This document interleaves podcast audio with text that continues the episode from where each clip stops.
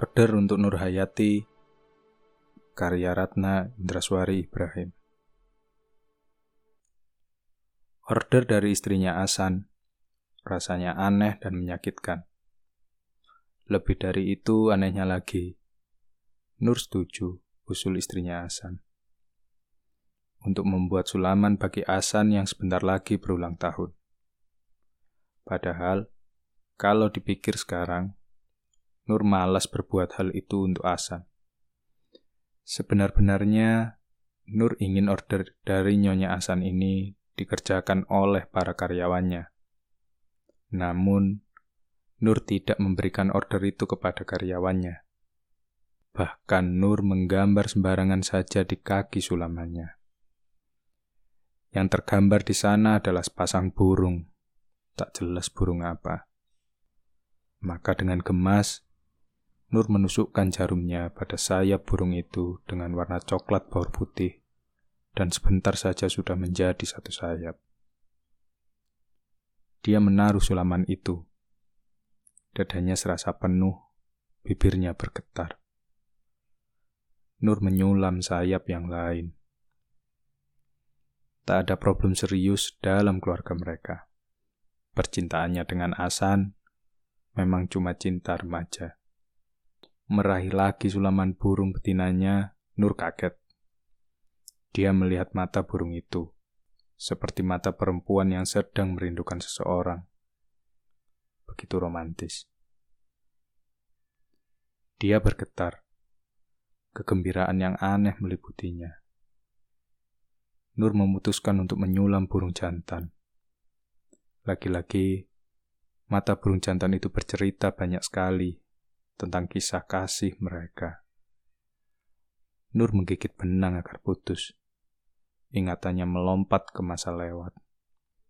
Asan menuduhnya terlampau jauh dengan Mas. Tanpa mendengarkan alasan Nur, dia dan Mas tak punya hubungan khusus. Kebetulan Mas diminta tolong ayahnya untuk mengurus tanah keluarga yang jadi sengketa. Waktu itu, dia dan Asan bertengkar habis-habisan. Sampai kini Nur merasa tak bisa memaafkan Asan, teman dekat suaminya.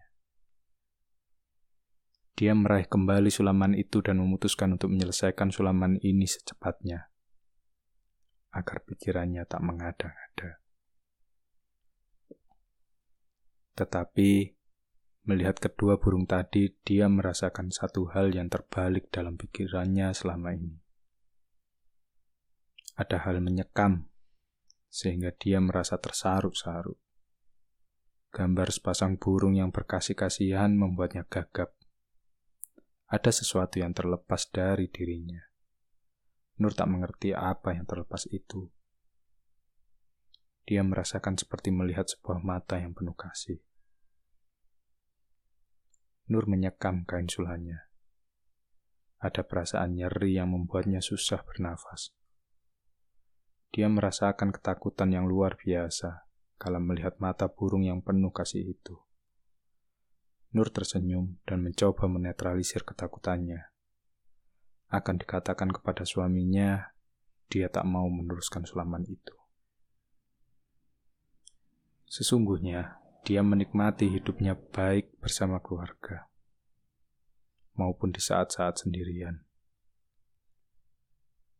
Sesungguhnya dia menikmati hidupnya baik bersama keluarga maupun di saat-saat sendirian. Lagi-lagi ketakutannya muncul kala melihat sulaman sepasang burung ini. Perasaannya jadi rikuh. Sepasang burung yang berkasih-kasihan itu bukan dia dan Mas, boleh jadi Asan dan dia.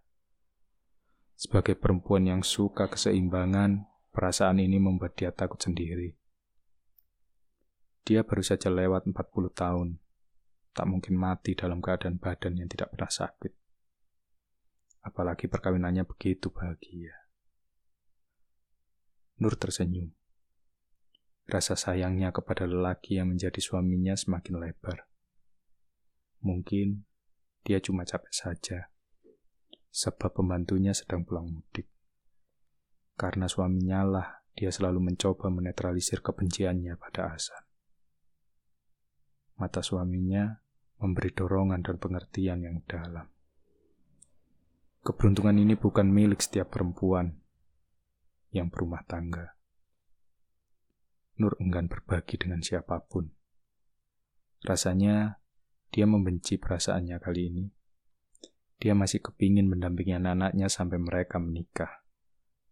Tak bisa dibayangkan, meninggalkan mereka yang dicintainya secepat itu. Lantas, dia menjadi gemas melihat hasil sulamannya yang membuat pikirannya kacau balau. Badannya terasa terpisah-pisah. Tapi bagaimanapun juga, Nur bertekad akan menyelesaikan sulamannya dengan tuntas. Tak pernah.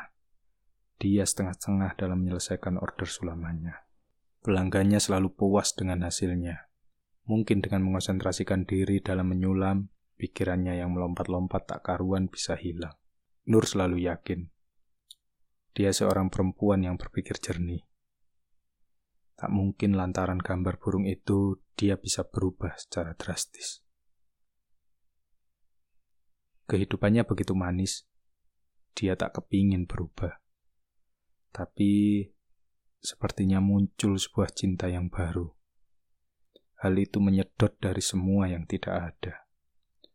Nur terhenyak Apakah itu cintanya pada Hasan? Dia tak kepingin seperti itu. Rasanya dia perempuan setia dan tak ada pikiran untuk berbuat yang macam-macam. Tetapi dia semakin tersedot, tak bisa mengelak. Kepingin sekali dia membakar diri dalam keganjilan yang dipenuhi hari ini. Satu hal yang mengagetkan dirinya Nur yang sebelumnya tak pernah mengenal dengan baik cintanya. Nur menghapus sudut matanya. Barangkali dia harus belajar melepaskan semua yang sudah menjadi miliknya.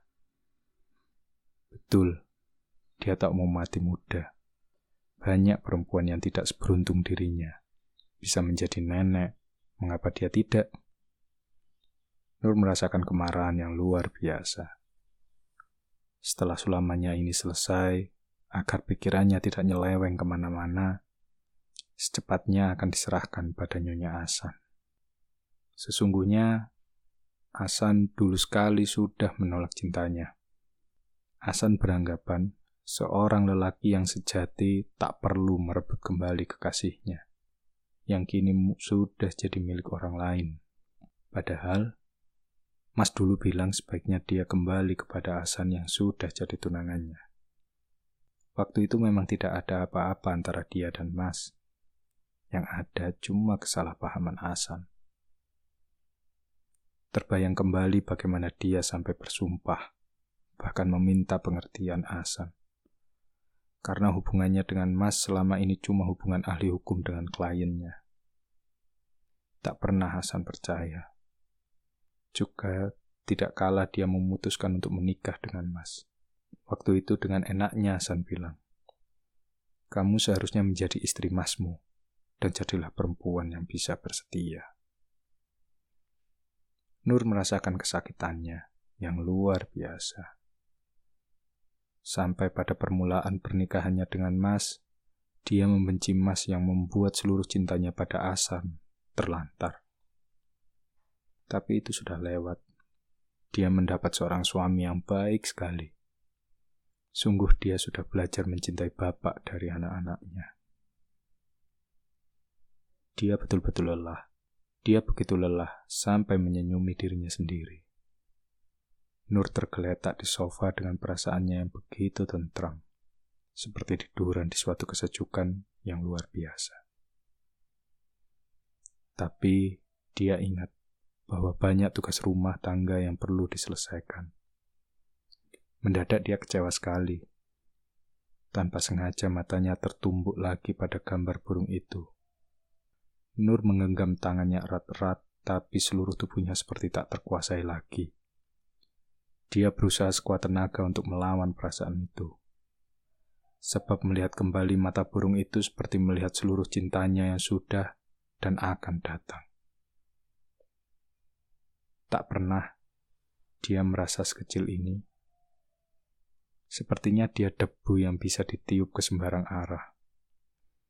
Semua rasanya begitu cepat dan banyak sekali yang diperolehnya. Kini, sebagian besar temannya dengan gairah melihat masa depan mereka yang masih panjang. Nur menghapus sudut matanya. Barangkali dia berfantasi seorang lelaki melintas di depan matanya. Saya tidak mau mati muda, katanya berteriak. Tapi lelaki itu seperti mengembangkan tangannya dengan perasaan penuh cinta yang belum pernah dialami baik bersama Mas maupun dengan Asan. Mata lelaki itu seperti mata burung yang ada dalam sulaman. Dia seperti ditarik-tarik dari dua arah yang berlawanan. Nur merasakan ikatan dan cinta Mas semakin longgar. Tak tahu persis siapa yang melonggarkan ikatan itu. Sesaat dia merasa bersalah. Dia tak pernah bercita-cita melepaskan tanggung jawabnya sebagai istri dan ibu dari anak-anaknya. Bukankah dia menikmati peranannya sebagai istri dan ibu? Dan kini, dengan gelisah dan kegembiraan, bahkan tanpa ragu, dia mau menenggelamkan dirinya dalam uluran tangan orang asing itu. Rasanya melihat cinta dari lelaki itu seperti cintanya sendiri, dan melihat mata lelaki itu semua cinta jadi terpadu, warna-warni. Orang itu seperti menawarkan sebuah kekawanan kekal, tanpa disadari apa pun begitu bening dan jauh sekali dari sifat mengada-ngada. Dari segala kepura-puraan yang selama ini dilakukan untuk mempertahankan cintanya. Nur merasa rikuh. Rasanya dia sudah berusaha untuk mencintai bapak dari anak-anaknya. Dan dia begitu yakin cinta itu sudah ada lewat bilangan tahun perkawinannya.